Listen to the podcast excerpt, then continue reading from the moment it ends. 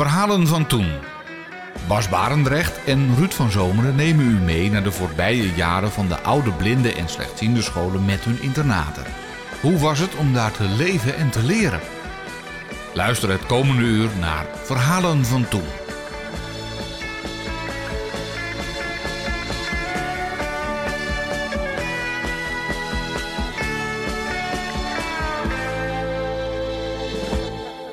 Van 1970 tot 1980, de jaren 70 dus, zit Marga Zwanenburg op het Christelijk Instituut Bartimeus in Zeist.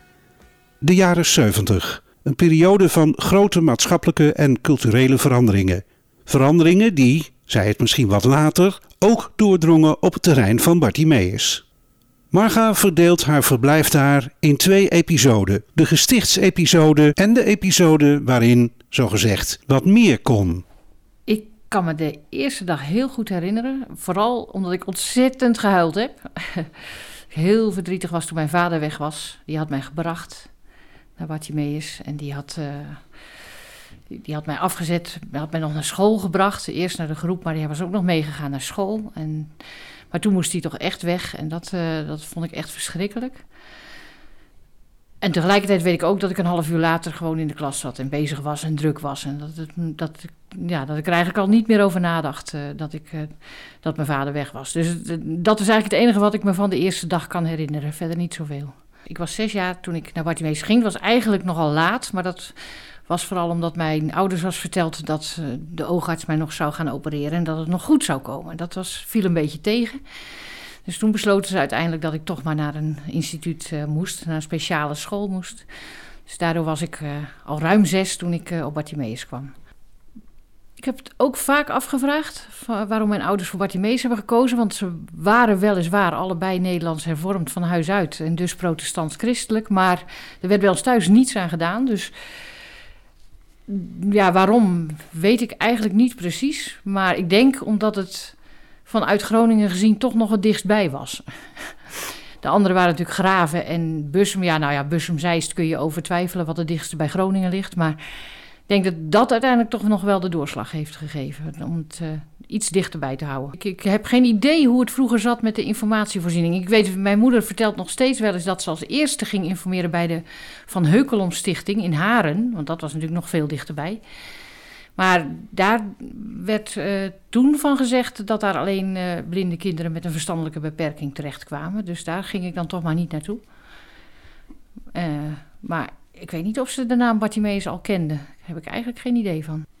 Ik, heb, ik kom uit een gezin van vijf kinderen, dus ik was drukte wel gewend en ook wel een beetje regels. Want met vijf kinderen in de leeftijd van vijf tot veertien zijn er ook in het gezin wel wat regels. Dus dat was ik wel aan gewend. Maar het is natuurlijk iets heel anders in zo'n groep. En de eerste groep waarin ik op Bartimeus kwam was nog een verticaal ingerichte groep. Dus de jongste was ik, was zes. En de oudste was 18, denk ik of zo, in de groep. Later gingen ze dat horizontaal uh, uh, invullen. Dus kreeg je allemaal groepen van dezelfde leeftijd, zeg maar, bij elkaar. Maar in die eerste tijd was het nog uh, verticaal. Dus ja, ik kwam net zo in een soort gezin met oudere broers en zussen. En um, ja, ik vond het een, een, een leuke. Uh, vond het wel leuk. Vond het wel spannend, dat weet ik nog. Uh, het was elke keer wel weer moeilijk. Ik ging om de 14 dagen naar huis. Ik, ben gelukkig van na de tijd dat je de halve jaren moest blijven en zo. Dat was gelukkig al afgeschaft toen ik kwam in 1970. Dus ik mocht, elk, ik mocht in principe elke week naar huis, maar dat was een beetje te ver, uh, Stadskanaal Zeist. Dus om de 14 dagen ging ik het weekend naar huis. En dat, dan was het altijd wel weer even moeilijk om weer weg te gaan op maandagochtend. Maar uh, ja, over het algemeen heb ik me altijd uh, goed vermaakt als kind. En ik vond regels ook wel makkelijk. Wist waar ik aan toe was. Ik wist ook wanneer ik ze overtrad. Dus dat was makkelijk. Dan uh, wist je wanneer je moest oppassen voor standjes en, en straf. Dus. En dat was er nog wel in die eerste tijd. De duidelijkste straf, of een van de duidelijke straffen, was altijd: je mocht niet praten als je eenmaal in bed lag. Hè? Dus als je om zeven uur naar bed ging, dan moest je slapen. Maar ja, je lag met z'n zes op een zaal. Nou, dan hou dat maar eens stil, hè? met zes uh, meiden op één zaal. En dan, uh, dus daar werd natuurlijk altijd wel nog even gepraat en nog even. En dat deed je dan fluisterend en zo. Maar dan op een zeker moment vloog die slaapkamerdeur open. En dan was het: Marga, kom er maar uit. Nou, dan kon je je bed uit en dan moest je op je blote voeten op de gang staan. En dan moest je hartstikke koud. En nou ja, nou, als je geluk had, kwam, die, kwam de leiding na een kwartier of een half uur kwam ze weer terug en dan mocht je je bed weer in. Ja, dan sliep de rest intussen, dus dan kon je toch niet meer praten. Dus, ehm, en als je een beetje pech had, dan vergat ze het. En dan kon je er gerust een uur of anderhalf staan. was ze vergeten dat ze iemand uitgehaald had. Een straf was ook alleen eten. Dat, uh, ik kan me nu niet meer voorstellen dat ik dat erg zou vinden. Maar toen was dat blijkbaar heel erg. Dan moest je alleen in de speelkamer gaan zitten en dan moest je eten. Dan moest je daar in je eentje eten. Nou ja, dat soort straffen. Ja, en waarvoor? Ja, ik kan me eigenlijk niet zo goed herinneren dat ik een heel erg ondeugend kind was. Maar blijkbaar heb ik toch van dat soort dingen gedaan die niet mochten. Ik, ik, kan, ik kan niet echt concreet een voorval noemen van nou, toen hebben we toch iets heel verschrikkelijks gedaan. Dat, nee, ik, dat, dat kan ik me eigenlijk niet herinneren. Dus het kan volgens mij nooit heel ernstig geweest zijn wat wij uh, uithaalden. Maar uh, ik, was, was ook best een beetje een, wat ik net al zei, ik was blij met regels en ik, ik was ook best een beetje een braaf kind. Ik, ik ging ook graag naar school en zo. Dus ik, ik was helemaal niet iemand die heel gekke dingen uithaalde. Nou, voor mij waren de hoogtepunten was altijd toch wel de school. Ik, ik, ik ging gewoon graag naar school. Vond school leuk, vond leren leuk. Um, vond ook de dingen die daar omheen waren wel leuk. Dus de, de lessen van sport en, en handwerk en alles, al dat soort dingen vond ik leuk. Dus dat waren, vond ik zelf eigenlijk altijd het leukste. In die eerste jaren in elk geval, de eerste vier jaar, vijf jaar. De groep, ja, wat ik me daarvan herinner, is, is vooral toch uh, maaltijden. Vooral het, het, eten tussen de het warme eten. Dat, was, dat kwam uit de, uit de toen nog gemeenschappelijke grote keuken. En dat werd dan met zo'n ja, soort bolderkar werd dat gebracht. Zo'n houten kar, wat ongetwijfeld ter isolatie was, want het moest warm blijven daarin. Maar, en daar moest je dan, als je uit school kwam, stond die kar voor de deur en moesten we allemaal pannetjes mee naar boven nemen. Om uh, iedereen één pannetje. En dan. En dat, dat heeft nog heel lang uh, is dat geweest. En dan het eten zelf. Het was, elke dag wist je wat er ging komen, zonder dat er een menu was. Want het was gewoon standaard op maandag was het stampot. Dus was het boerenkool, zuurkool of hutspot. en op, uh, nou ik weet niet meer exact alle dagen. Maar in ieder geval, elke dag wist je gewoon het is dit of het is dat vandaag. Dat, uh, dat was standaard. Ik vermoed dat we geen boerenkool in, uh, in juni hebben gehad. Maar dan zal er een andere variant. Misschien stampot rauwe andijvie of zo. Ik weet het niet. Maar in ieder geval, het was wel echt... Je wist gewoon wat het was. Misschien dat het in de zomer anders was. Maar dat kan ik me niet meer zo goed herinneren. Wat het dan was. Maar de, ik weet wel dat dit het dan was. En dat je ook altijd alles moest eten. Dus er was geen sprake van dat je iets niet lustte. Dat bestond niet. Er werd gegeten wat er werd gegeten. En dat moest, moesten wij ook. Dat, uh, en, nou ja, en ook bij het eten waren strakke regels. Als je. Ja, bidden voor het eten sowieso natuurlijk. Het was Bartimeus. Uh, aan het eind van de maaltijd werd er uit de Bijbel gelezen. Uh, dat mochten wij doen. Dat vond ik dan wel weer leuk. Die hele Bijbel interesseerde me niet zo. Maar ik vond het wel leuk dat, als ik mocht lezen. Dat, was, dat vond ik dan wel weer leuk. Al was het dan uit de Bijbel. En het, het, um, het, eten zelf, ja, was, was. Ik kan me niet herinneren dat het, dat het, dat het rommelig was. Of dat het. Het was gewoon strak geregisseerd, denk ik altijd. En nou ja, je moest eten, ook al vond je het niet lekker. En dat, dat herinner ik me eigenlijk nog wel het sterkste. Want er waren nogal wat dingen die ik niet lustte.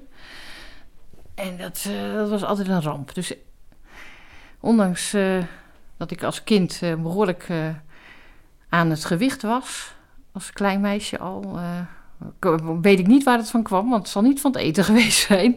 Want ik lustte bijna niks in die tijd. Dus het was heel lastig eten. En dan kreeg je soms gewoon smiddags je eten nog een keer, als je het niet op had.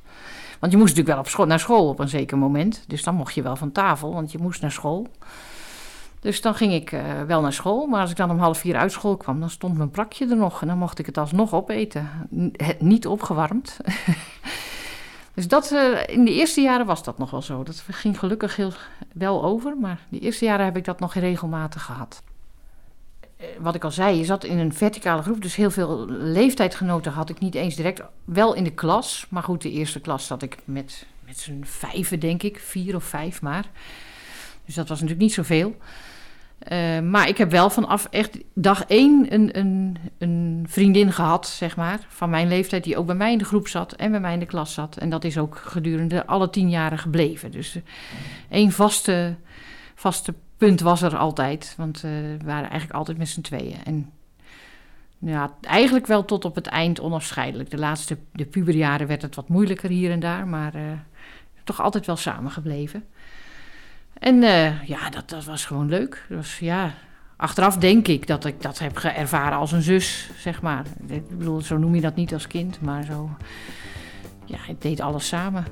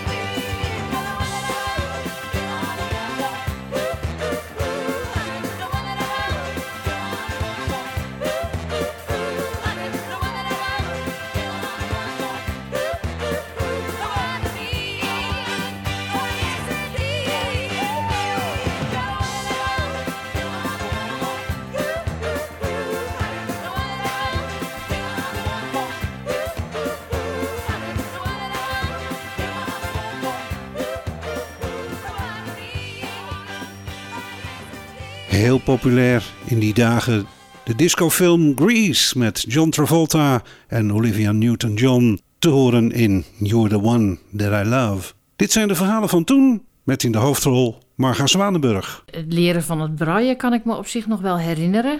Dat, uh, ja, niet dat het nou een bijzondere leermethode was, denk ik, want het zal redelijk algemeen gebruikt zijn. Maar ik kan het me gewoon nog wel heel goed herinneren dat je met die puntjes aan de slag ging. En dan eerst de A en de B en de L. En, uh, en dan dat, dat je op die manier leert lezen. Nou, je kreeg bladzijden, blaadjes met, nou ja, in eerste, als eerste een A alleen maar.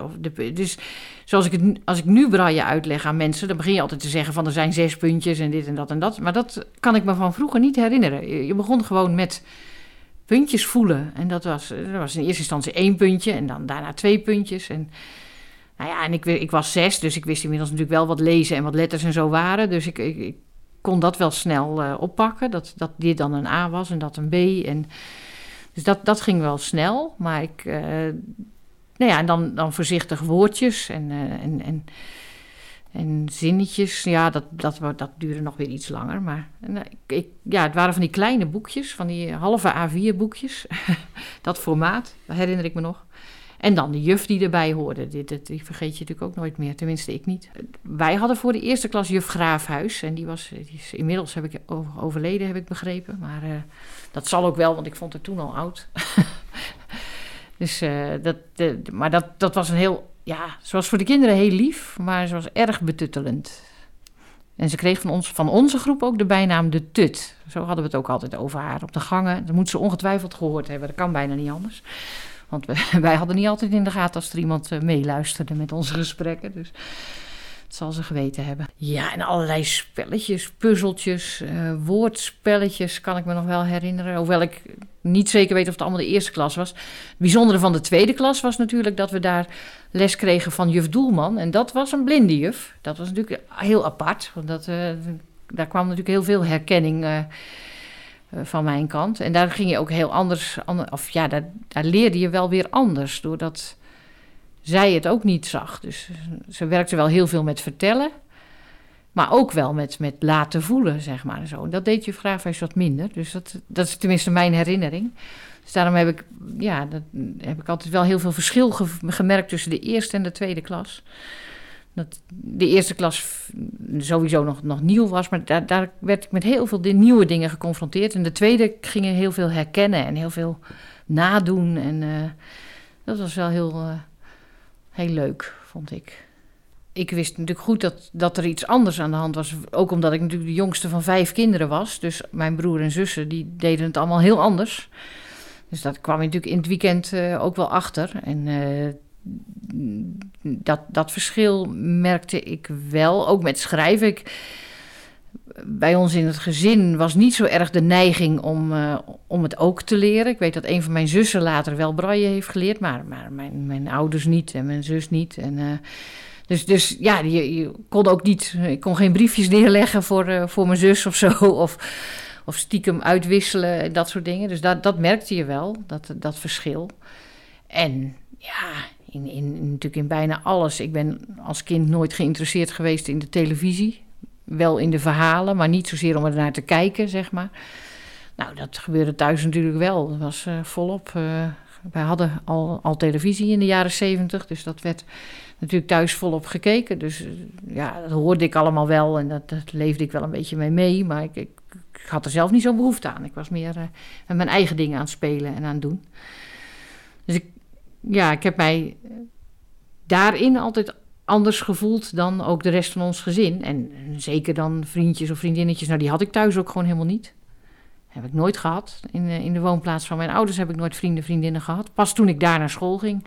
Maar toen was ik al 16. In de thuissituatie was je natuurlijk geïsoleerd. Ja, ja. Ik, ik heb ook nooit het gevoel dat ik thuis ben opgegroeid. ik ben ook heel anders dan mijn broer en zussen, vind ik altijd. Dus, uh, ik zou een heel ander mens zijn geweest als ik in ons gezin was opgegroeid. Daar ben ik van overtuigd. Dat kan ik natuurlijk nooit bewijzen, maar daar ben ik wel van overtuigd. Je, doordat, je op een, op, doordat ik op Bartimeus zat, uh, ja, trok je met heel andere mensen op. Je kwam met heel andere mensen in aanraking, uit heel andere milieus, uit heel andere kringen, andere delen van het land, andere dialecten, later zelfs andere landen, zeg maar, hè, toen die ook uh, binnenkwamen. Nou, dat was bij ons thuis het stadskanaal. Nou, een dorp in Groningen. De eerste buitenlandse mensen die daar kwamen er in de jaren 78, denk ik, of zo. En uh, dat was gewoon een heel andere cultuur, heel ander milieu. Dus ik ben er niet ongelukkig onder geweest, maar het was heel anders. Ik vind het zelf een voordeel. Inmiddels vind ik het een voordeel dat ik op Bartimeus ben opgegroeid. Vooral ook om die dingen die ik, die ik net zei. Het was een veel grotere wereld dan de, de wereld van ons gezin. Maar we hebben natuurlijk de wereld van het gezin gemist. En dat is natuurlijk wel heel jammer. Want dat, dat gaat ook de rest van je leven door. Je gaat wel door met dat gezin. Hè? Dus, dus ik heb pas de laatste, zeg ik altijd, ik, ik krijg nu pas een goede band met mijn oudste zus. en dat had eerder gekund als het uh, een beetje anders gelopen was. En dus, dus dat is een, een, een, kant die wel jammer is ervan. Maar voor mijn eigen ontwikkeling is Bartimeus gewoon heel goed geweest. Daar ben ik wel van overtuigd. Sowieso doordat het een veel bredere, grotere wereld was. Al denk je dan, het is een instituut als een klein wereldje. Maar gevoelsmatig heb ik het gevoel dat het veel breder was voor mijn eigen ontwikkeling. En ook um, denk ik dat mijn ouders gewoon veel minder uh, kaas gegeten hadden van het opvoeden van een blind kind. Dus uh, of ik alles thuis gedaan zou hebben wat ik nu op Bartimeus deed als kind, dat, dat, dat denk ik toch wel te betwijfelen. Mijn ouders zouden dat allemaal niet gedurfd hebben, denk ik. Je, over straat laten gaan en uh, naar de winkel gaan en allerlei ingewikkelde sporten doen. En, uh, dat, dat, hadden mijn ouders niet gedurfd, denk ik, met mij. En op Bartimeus kon alles. Wat je wilde, althans in de laatste, moet ik wel bij zeggen, in de laatste vijf jaar van de tien werd er veel meer mogelijk op Bartimeus. Veel veranderingen in de jaren 70. Ook in het blinde en slechtziende onderwijs.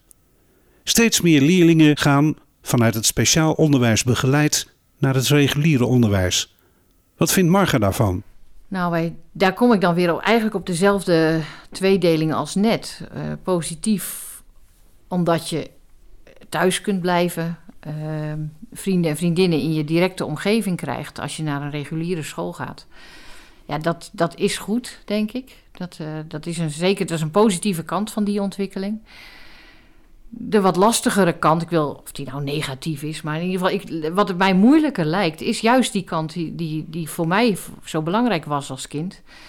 Dus de ontwikkeling van, je, van jezelf met je handicap, zeg maar. Je bent, eh, ik was op Bartimeus een van de velen. Uh, de groep was wel niet zo groot, maar toch een van de velen. En ik had niets om me op te laten voorstaan of, of te laten achterstellen. Dus we hadden allemaal diezelfde handicap en daar moest je mee leven, daar moest je mee sporten, daar moest je mee uh, lezen, daar moest je gewoon alles mee doen. Als ik op een reguliere school had gezeten, was ik de enige geweest met die beperking. En ja, ik, ik, denk dat het gewoon kan. Ik bedoel, er zijn natuurlijk genoeg blinden inmiddels die dat hebben gedaan en bij wie dat allemaal goed gekomen is. Dus het zal zeker kunnen. Maar ik heb heel veel gehad aan het feit dat ik geen uitzondering was op Bartimeus. Dat ik gewoon alles. Uh, dat er ook competitie was. Ik heb, was een ontzettend fanatieke sporter toen uh, als kind. Dus ik heb het toen allemaal opgebruikt, denk ik. um, dus ik deed echt aan alle sporten die er maar mogelijk waren. In en vanuit, of op en vanuit Bartimeus. Dus ik heb gehockeyd, ik heb paard gereden, ik heb geroeid, ik heb gezwommen, ik heb atletiek gedaan. Noem maar op. Nou ja, dat, dat, dat kon ik doen omdat je dat, uh, althans een heel aantal daarvan, samen met andere blinden deed. En dan kon je ook de beste zijn. Maar als ik dat in een ziende wereld had gedaan, dan kon ik nooit, had ik nooit de beste kunnen worden. En als kind is dat toch best belangrijk. Dat je af en toe ook eens de beste kunt zijn. Dat is best leuk dat je dat uh, kunt ervaren. Het gaat er niet om in het leven, maar het is af en toe wel leuk. En ik heb dat bijvoorbeeld gemerkt toen ik... Ik heb drie jaar paardrijden gedaan vanuit Bartimeus. Het was natuurlijk op een gewone manege, want Bartimeus had zelf geen manege. Dus dan ging je gewoon naar Zeist, naar de, de Blikkenburg. Dat zullen mensen uit mijn tijd zeker kennen, want we gingen volgens mij wel met z'n zessen. en um, nou ja, daar heb ik op een gegeven moment ook een keer aan een, een, een wedstrijd meegedaan, op een zondag. Een wedstrijd meegedaan. En toen waren we met z'n drieën, deden we mee, drie blinden van onze uh, groep. En de een werd de tweede, de andere werd vierde en ik werd zesde. En ik had echt zoiets van, nou ja, ik ben alleen maar zesde... omdat ze het zo zielig vonden dat ik anders geen prijs had. Dat, ik, dat gevoel heb ik, kreeg ik dan altijd zo sterk als ik dan meedeed... Met, met een heleboel zienden er ook bij. Die andere twee die waren wel iets beter uh, dan ik, dat geloofde ik wel. Dus die hadden dan nog net even wat meer uh, gekregen. Maar ik werd zesde, omdat ik anders geen lintje had. En dat was toch zo zielig. Nou, dat, dat gevoel, daar heb ik altijd zo'n hekel aan gehad. Nou, als je dat intern onder blinden had, dan had je dat niet. Ik bedoel, dan was je of je was de beste, of je was gewoon slecht. Of je was, ja, dat was. Dus dat, uh, daar heb ik altijd een groot voordeel. Met sport is het makkelijk uitleggen, maar je, je, je kunt dat natuurlijk naar allerlei facetten van het leven vertalen. Dus ik heb dat altijd wel een groot voordeel van uh, onder blinden opgroeien gevonden. Maar ik zal niet zeggen dat dat, dat, dat beter is dan het andere. Dat, dat, dat geloof ik dan ook wel weer niet. Ja, de voorbeeldfunctie van, van, van blinden die uh, al ouder waren of, of inderdaad zelfs al werkten op, op, uh, op Bartimeus, dat, dat vind ik ook wel een voordeel. Omdat je, als je het hardop zegt, dan klinkt het een beetje raar, maar je, je, je ziet dan dat er heel veel kan. Eh, wat je natuurlijk allemaal wel weet, maar zeker als kind is het gewoon belangrijk, denk ik, om te zien ja, dat er mensen met, uh, die, die, die, die net zijn die net zoiets hebben als jij, dat die, uh, die werken of die andere dingen doen, of die getrouwd zijn, of die uh, dingen waar je als kind toch van afvraagt of dat, of dat wel kan als je niet kan zien. Ja, hoe raar dat ook klinkt. Maar ik zit er even over na te denken. We hadden op school volgens mij geen blinde leraren meer.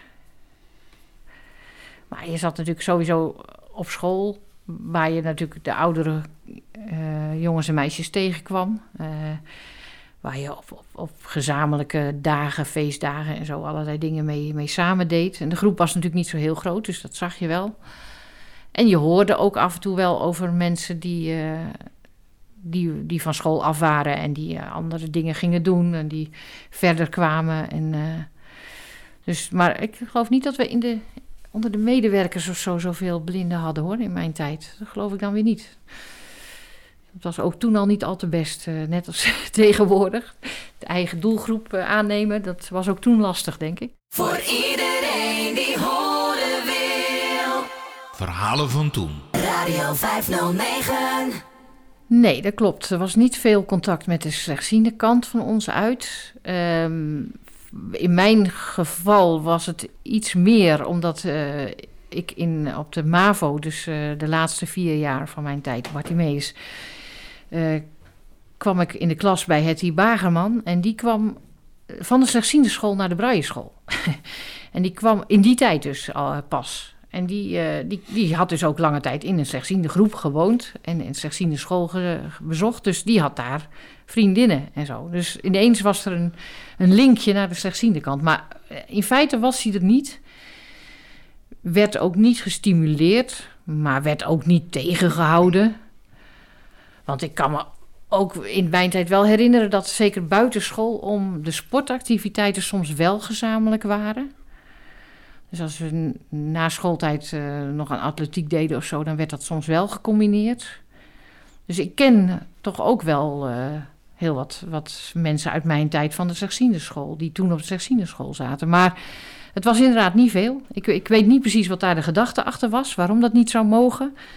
Ik heb nu wel uh, contact met iemand, een collega van mij bij de, bij de oogvereniging, Roos Hoelen. Ik denk dat ze het niet zo erg vindt als ik het zeg.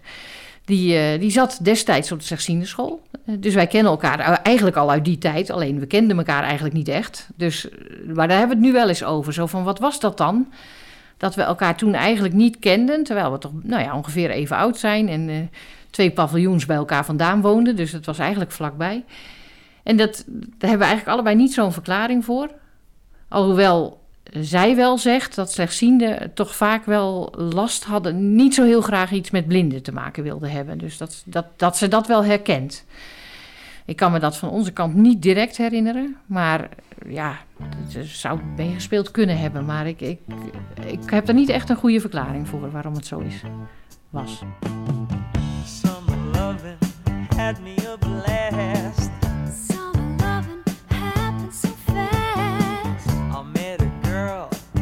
myself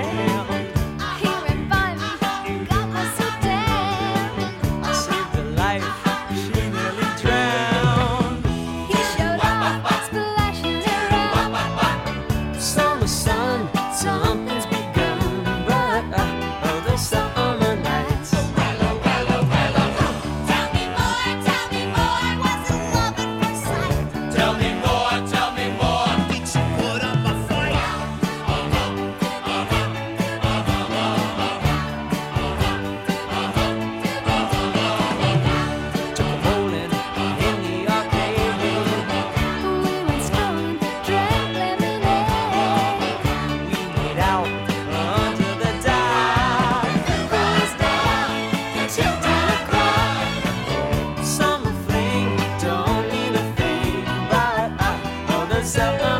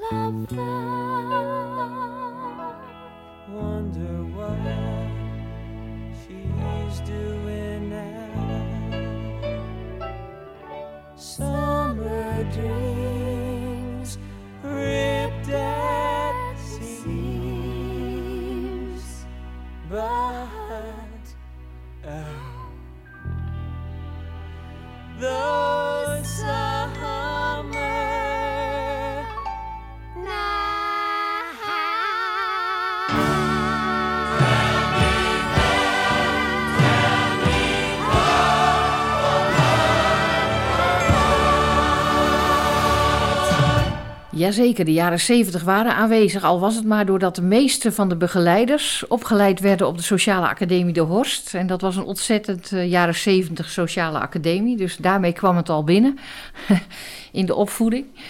Eh, dit, eh, maar verder heb ik er niet zo heel veel als kind niet zo heel veel van meegekregen. Het interesseerde me ook niet zo erg, moet ik zeggen. Ik was totaal niet bezig met, met, nou ja, met, met politieke dingen of, of eh, dingen uit het nieuws of zo. Eh, ik weet dat ik eh, in de laatste jaren dat wij een, een soort, dat was een soort, ja, soort spel hadden ze bedacht om ons ertoe te zetten dat we wat meer geïnteresseerd raakten in de actualiteit van het leven. Dus eh, we moesten, we hadden één keer in de week, s'avonds of zo, kregen we, deden we een soort quiz met, eh, met vragen over, over de actualiteit. Nou, daar was ik niet best in. Het interesseerde me echt niet. Dus dat zal er ook in meegespeeld hebben dat ik er niet zo heel veel van gemerkt heb. Maar eh, mensen die natuurlijk dagelijks radio luisterden, en die waren er best veel. Die hebben er misschien meer van meegekregen. Maar wat, we er wel, wat ik wel altijd zeg, is dat, dat, wij, dat ik op Bartimeus de, de omslag eh, eh, heb meegemaakt in het, in het instituut zelf, zeg maar. Bartimeus, hè, de eerste vijf jaar en de laatste vijf jaar van mijn verblijf op Bartimeus zijn totaal anders geweest. Het eerste jaar, de eerste jaren was het echt nog wat je nu zou noemen een gesticht. Ik kwam echt binnen in een, in met regels en, en juf, juffen en je, Hè, je, d- d- het was, er was ook eh, straf en eh, dat soort dingen. Het was, het was echt nog wat je je echt voorstelt bij het ouderwetse internaat, zeg maar. In de loop van, van de jaren nou, 1974, 75 was ook het moment dat we naar de, de nieuwbouw gingen. Er werden allemaal nieuwe paviljoens op het terrein gebouwd. En daar eh, gingen wij naartoe vanuit de brug. Kregen we, nou, kregen we bijvoorbeeld allemaal een eigen kamer. Nou, ik bedoel, tot dan toe lagen we nog op slaapzalen met z'n zessen. Heel af en toe, als je mazzel had, mocht je met z'n tweeën op een kamer. Maar een kamer alleen, dat, dat had ik tot dan toe niet gehad. En die kregen we toen. We kregen allemaal onze eigen kamer. Met een eigen kast en een eigen fonteintje. En, eh, nou, allemaal van je. Van je nou, dat, dat was al bijzonder. En je kreeg een, een, een veel eh, ja, soepeler beleid. Eh, wat ik in het begin vertelde over dat je alles moest eten, dat je niks niet mocht lusten. nou, dat, dat, dat ging eraf. Je mocht, eh, je mocht best zeggen als je iets niet lustte. En dan mocht je, of je mocht iets anders eten als het er was. Of je nam een heel klein beetje. Of, nou, het, was, het, was, het werd allemaal veel, maar je kreeg een beetje de, de, de vrije opvoeding kwam er een beetje in. dus er mocht veel meer. We hebben in die tijd ook, in het laatste vier jaar van, eh, van mijn eh, tijd daar, hebben we gigantische feesten. Dat, dat is altijd, als je mijn tijd mensen vraagt, dan zeggen- herinneren ze zich altijd dat als eerste. De grote feesten die wij organiseren. We hadden in de nieuwbouwpaviljoens had je eh, een grote huiskamer en een kleine huiskamer. Dus een, de ene zat er wat meer eh, groep, een groep, een grotere groep in dan in de andere. Maar dat liep altijd door elkaar. En, eh, dus als er een feest was, dan ruimden we de kleine huiskamer helemaal leeg. En dat werd de disco. En de jongens hadden allemaal van installaties en die hadden van die lampen en dat werd allemaal opgehangen. En alle bedden werden de matrassen afgehaald en die gingen voor de ramen. En want anders moest, moest het geluid een beetje dempen, want anders hadden de buren paviljoens te veel last. Die werden natuurlijk uitgenodigd, want anders hadden ze toch geen leven. En dat was dan een feest. En dan ging je met, met groepsleiding ging je drank inslaan. Eh, Zowel bier als fris. Soms later ook wijn. Nou, dat, nou, er waren ongeveer drie, vier keer per jaar hadden we zo'n feest. Want we spaarden allemaal onze verjaardagen op. En dan deed je met z'n vier of met z'n vijven gaf je zo'n feest. En dan was je echt met het, het halve terrein was daarbij. En dan s'nachts om vier uur dan haalde je die matrassen naar beneden. En dan viel je in de midden in de disco op in slaap met z'n allen.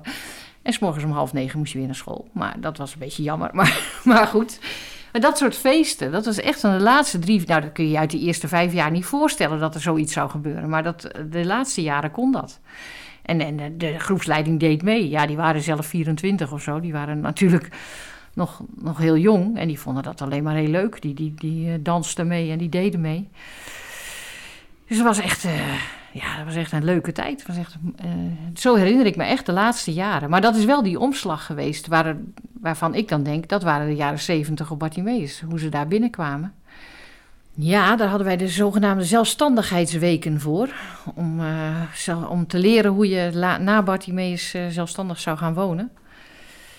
En ehm, dat waren weken waarin je dan gewoon echt alles zelf moest doen. Zelf, nou ja, wat het al zegt, zelf boodschappen, zelf eten koken. Zelf je, je kamer stofzuigen en dat soort dingen. Zelf je kamer schoonhouden. Dus dat, eh, en dat moest dan eens in de zoveel tijd. Ik geloof eens in de twee maanden had je dan zo'n week of zo. Als dat nodig was, kreeg je daar hulp bij. Dan, eh, dan was ehm, de leiding was natuurlijk altijd in de buurt. Dus je kon altijd eh, terugvallen. Dat, dat mocht altijd. En ik was... Dat was wel een van de dingen waar ik erg recalcitrant in was. Want ik wilde dat eigenlijk niet. niet zozeer dat ik niet zelfstandig wilde worden, maar ik wilde dat nog niet op dat moment. Ik eh, was altijd een, behoorlijk eh, speels kind. Ik was niet zo, zo ernstig. Ik wilde altijd eh, sporten en spelen en buiten en dat soort dingen. Zelfstandigheid, dat leer ik nog wel eens. Als het aan de orde is, dan komt dat wel. Maar dat hoef ik niet op mijn dertiende al te kunnen, had ik dan zoiets. Maar mijn eh, vriendin, Henny, uit die tijd, die, eh, die had dat wel heel sterk. Die wilde dat wel heel graag. Dus ik wilde altijd heel graag samen met haar de zelfstandigheidsweken doen. dan, eh, dan deed ik altijd al een beetje de achtergronddingetjes en zo. En dan kon zij alles, deed zij heel veel. Ja, ik moest mijn eigen kamer schoonmaken natuurlijk, maar dat vond ik dan niet zo erg. Maar ik, ik probeerde er altijd wel een beetje onderuit te komen. Want ik, ik hield er niet zo erg van. Maar het werd wel heel serieus ingesteld. En eh, dat moesten we echt wel, wel, eh, wel gaan leren. En daar zat echt alles in. Van, van naar de winkel gaan, maar ook eh, ja, schoon, schoonmaken. En, en vooral ook het koken. Dat was ook altijd een hele, heel gebeuren. Ik denk wel dat het effectief was voor, voor het zelfvertrouwen, voor het leren met, met dingen om te gaan koken zat natuurlijk ook al wel in het schoolpakket. Hè. Op, de Brailleschool Bartimeus kreeg je, kreeg je kookles. Dat zat echt in, in het eh, programma, in het rooster. Dat was zelfs een hele ochtend. Dus eh, het nam nogal wat tijd eh, van je lesweek in beslag. Maar je ging een hele ochtend, kreeg je kookles. En dat is ook iets wat heel veel mensen, heb ik intussen gemerkt, zich nog herinneren, is juffrouw de Jager. Dat, is echt, dat was de juf van de kookles. Nou, dat, was, dat herinneren zich nog heel veel mensen. Want dat was een heel bijzondere mevrouw. Met ook een heel bijzondere stem. Het was een hele scherpe stem, hele krakende stem. Waardoor ze logisch natuurlijk ook meteen, ze Miep. Dus meteen de naam Miep Kraak kreeg van iedereen. En dat was vooral gebaseerd op haar stemgeluid. En natuurlijk op, eh, op, eh, ja, dat koken en schoonmaken en zo. Dat was toch wel een beetje haar ding. En ze was ook heel schoon. Eh, Ze zegt als er maar een kruimeltje op het aanrecht viel, dan moest er alweer een doekje overheen. Dus dat, was, eh, dat zat al in de, in de schoollessen ook. Maar het is natuurlijk ook gewoon goed als je zelf eh, leert te koken. Maar wat mijn bezwaar er altijd tegen was, was van ja, ik ben nu 14 of 15, weet ik hoe oud ik was. Eh, ik ga straks gewoon eerst nog lekker naar huis. Ik ga voorlopig nog helemaal niet op kamers. Dus tegen de tijd dat ik dat wel ga doen, moet ik waarschijnlijk weer op kookles. Want dat is, dan zijn we zes, zeven jaar verder. En dan moet ik het allemaal weer opnieuw leren. Dus ik, ik zag daar het nut op dat moment gewoon niet zo van in. Maar aan de andere kant denk ik, doordat je het op dat moment wel doet, eh, ja, leer je in ieder geval dat gas, gas, op gas koken niet eng is. Hè? Want wij hebben nog eh, gewoon braaf op gas leren koken natuurlijk. Dus dat dat niet eng is en dat je dat gewoon kunt en zo. Dus in die zin is het niet verkeerd. Maar ik had er nog niet echt zin in. En ik heb het later toch nog best aardig geleerd. Ik heb eerst MAVO Bartimees gedaan en daarna ben ik eh, naar de eh, eh, HAVO VWO, dus nog achter elkaar doorgegaan. Maar dat heb ik gewoon in het Stadskanaal gedaan, dus in de woonplaats van mijn ouders. En ben ik dus naar huis gegaan op mijn zestiende. Daar nog vier jaar school gedaan en daarna gaan studeren. Maar de, de- je zou het als een nadeel kunnen zien achteraf. Want naar mijzelf kijkend had ik natuurlijk als ik gewoon thuis was geweest, was ik natuurlijk meteen op mijn twaalfde gewoon naar het VWO gegaan. Dan ik nooit, had ik nooit die hele ladder afgewerkt, want dat was helemaal niet nodig. Ik ben met op de MAVO ook eh, geslaagd met, met, met, met vier achten en twee negens, geloof ik, of zo, weet ik het. Dat was gewoon veel te simpel eigenlijk, achteraf gezien. Ik vond het heerlijk, vooral omdat ik zo'n buitenspeels kind was. Eh, ik hoefde niet al te veel tijd aan mijn huiswerk te besteden, want het lukte toch wel. Dus, dat, dus ik vond het achteraf gezien best leuk en best fijn, omdat ik gewoon daardoor veel meer tijd voor andere dingen heb gehad. Maar het was niet echt nodig geweest. Ik had natuurlijk gewoon eerst meteen naar het VWO kunnen gaan. We waren met z'n vijf in de klas en eh, nou, de eerder genoemde Hetty Bagerman ging ook in de woonplaats naar de HAVO. Maar de anderen gingen allemaal naar de HAVO in Zeist. eh. dus die bleven in feite op Bartimeus. Want die gingen dan eh, naar eh, zo'n buitenhuis van Bartimeus. En daar vanuit gingen ze naar de HAVO, het Christelijk Lyceum in Zeist. Maar ik had zoiets van, als ik toch naar een gewone reguliere HAVO moet... kan ik net zo goed in Stadskanaal naar de HAVO gaan. Dan hoef ik niet in Zeist te blijven. Dat vind ik niet nodig. Ja, was eigen keuze. En dat, eh, dat was toen wel redelijk nieuw voor Bartimeus, hoor. Want eh, er was natuurlijk nog helemaal geen... ehm, eh, er was nog helemaal geen, geen, geen voorbeeld, of weinig voorbeeld van mensen die dat deden, die eh, thuis naar, naar de HAVO gingen. Dus ik weet ook nog dat in het eerste jaar, eh, of in, de, nee, in het, eh, vlak voor mijn eindexamen MAVO, dat er dus sprake van was dat ik naar Stadskanaal naar school zou gaan. Toen zijn, zijn er van, van de HAVO in Stadskanaal zijn er een stuk of zes, zeven leraren zijn naar Bartimeus gekomen om daar te kijken. Dat ik echt, kun je nu bijna niet meer voorstellen, maar dat eh, kwam gewoon, ik, ik had me daar ha- aangemeld en we hadden daar gepraat van eh, ik wil hier graag de HAVO komen doen. Nou, en toen hebben zij contact opgenomen met Bartimeus en toen zijn ze daar gaan kijken met een heel stel leraren. Hoe dat dan ging en wat dat dan was en eh, om tips te krijgen en zo. En, dat, maar dat, ja, er was natuurlijk nog verder niks geregeld. Er was ook helemaal geen sprake van ambulante ondersteuning of dat soort dingen. Dat was er allemaal niet. Ja, je moest zelf de dingen uitzoeken. Zelf met de, nou, de school deed daar dus ook best veel in. Dat, eh, dus de, de, de HAVO en VWO waar ik naartoe ging uiteindelijk, die hebben ook best veel daarin gedaan. Want ik heb me eigenlijk nooit echt druk gemaakt over het aanvragen van boeken en zo. Ja, ik gaf dan wel aan school aan dat ze dat op tijd moesten doen bij die en die organisatie. En dat, eh, dat gebeurde dan. En dat liep eigenlijk best goed. Dus ik heb daar niet zo heel veel eh, praktische obstakels gehad op die school. Het moeilijkste vond ik gewoon dat je ja, vanuit een eh, heel beschermde omgeving en een klasje van vijf leerlingen ineens op een eh, grote openbare HAVO kwam in een klas van 108. 108 leerlingen, verdeeld over vier subklassen natuurlijk, maar vijf geloof ik. Maar toch, je, zei, je kon in principe met acht eh, medeleerlingen te ma- 108 medeleerlingen te maken krijgen. Nou, dat vond ik het lastigste van de overgang, hoor, moet ik zeggen. Ehm, ik heb meteen, maar dat, dat is sowieso mijn tactiek. Ik heb een ontzettend hekel aan de confrontatie met mijn beperking. Dus wat ik het liefste altijd doe, is mensen meteen informeren over het feit dat ik niet kan zien. Dus de, de dag dat we het rooster gingen ophalen op school, eh, ben ik voor die hele grote aula met 108, eh, nou nee meer, met heel veel leerlingen gaan staan. En heb ik gewoon gezegd wie ik was en dat ik niet kon zien en dat ik bij hun op school zou komen. Moet er nou eh, nog steeds, ik heb nog steeds trillende benen als ik eraan terugdenk. Verschrikkelijk.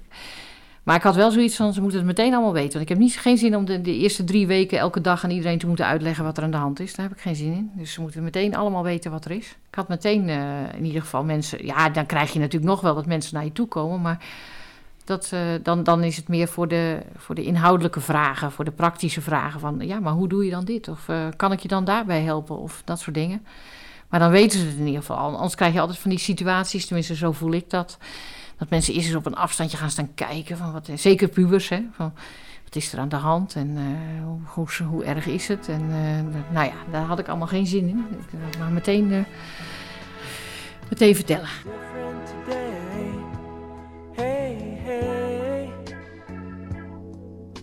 Something she said has stuck in my head and I can't get away.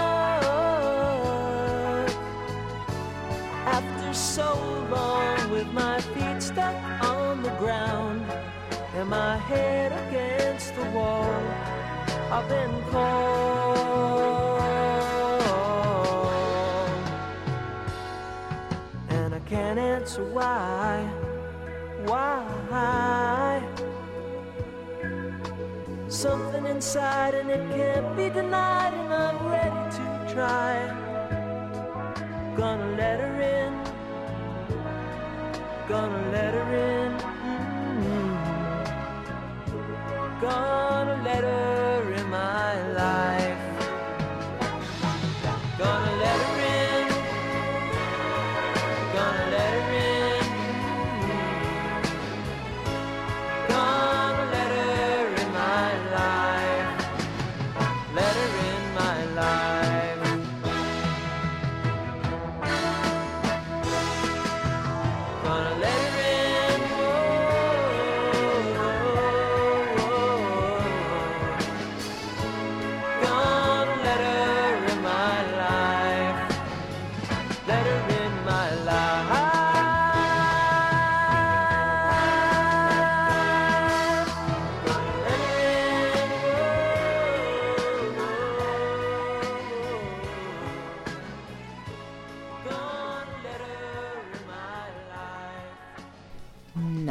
Overgehouden aan die periode Bartimeus heb ik zelfvertrouwen, denk ik. Dat is wel het belangrijkste woord wat ik daarvan meegekregen heb.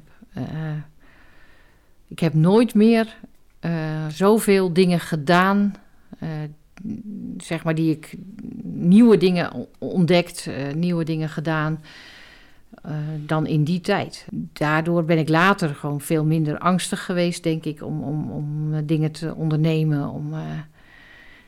eh, ja, dat, ik denk dat dat wel echt het belangrijkste is geweest, eh, vind ik. Eh, dat, dat, ik leg het zelf heel vaak uit aan de hand van eh, de, de sport.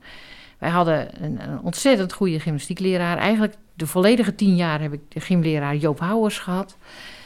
En dat was gewoon een geweldige man. Die, was, dus, die, kon, eh, die, kon, die kon je echt alles laten doen. Van, van eigenlijk heel enge dingen. Van hè, heel hoog in de, in de gymzaal over een, over een rek heen klimmen. Dat wiebelde. Zo'n zo, zo'n klimraam, weet je wel. Wat aan touwen hangt en dat wiebelt aan alle kanten. Dan klim je naar het plafond en dan pak je je aan een plafondbalk vast. En dan hijs je je eroverheen en dan klim je aan de andere kant weer naar beneden. Of, of tussen twee touwen, eh, zo'n touwbrug tussen twee rekken. En daar dan eh, overheen, heel hoog overheen klimmen. En dan zei Joop altijd van als je valt vang ik je op. Dan denk ik achteraf, nou maar goed dat dat nooit gebeurd is. Want dat had, dat had hem nooit gelukt om mij op te vangen, denk ik.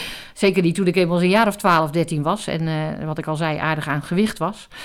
Eh, ik, weet niet of hij dat... Het was een sterke man, maar of dat gelukt was om mij dan op te vangen, weet ik niet. Maar het idee dat hij dat zou doen, maakte dat, dat ik het durfde, zeg maar. Nou, dat, dat gevoel van zelfvertrouwen krijgen, het hardlopen, wat je normaal op straat als je blind bent ook niet zo gemakkelijk doet.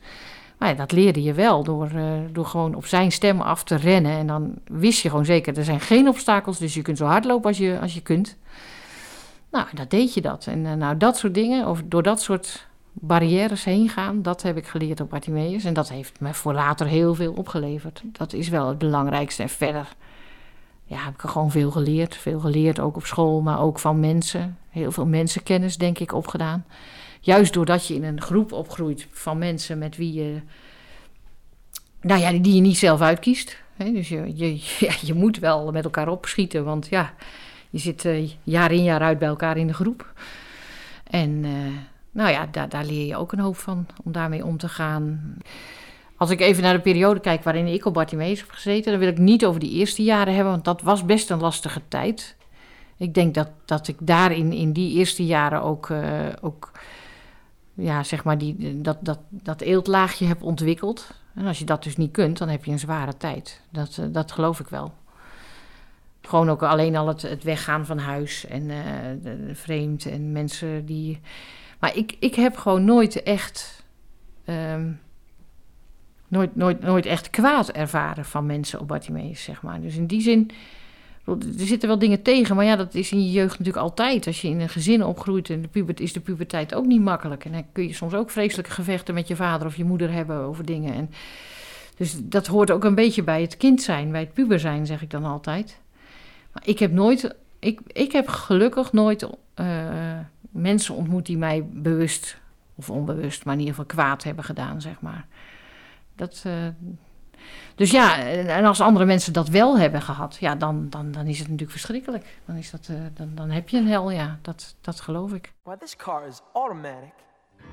It's systematic. It's hydromatic. Why, it's greased lightning. Greased lightning. We'll get some overhead lifters and four barrel quads, oh yeah. Injection cut up in chrome plated rods, oh yeah. I'll get the money, I'll Uncle, you get the money. With a four speed on the floor, never waiting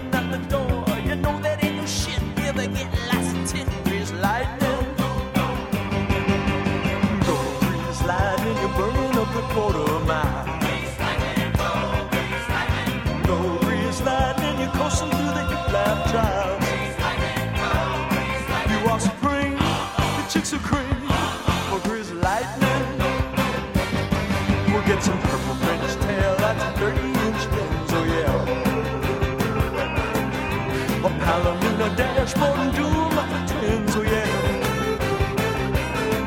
With new pistons, clubs, and shocks, I can get my rocks. You know that I ain't bragging, she's a real pussy wagon,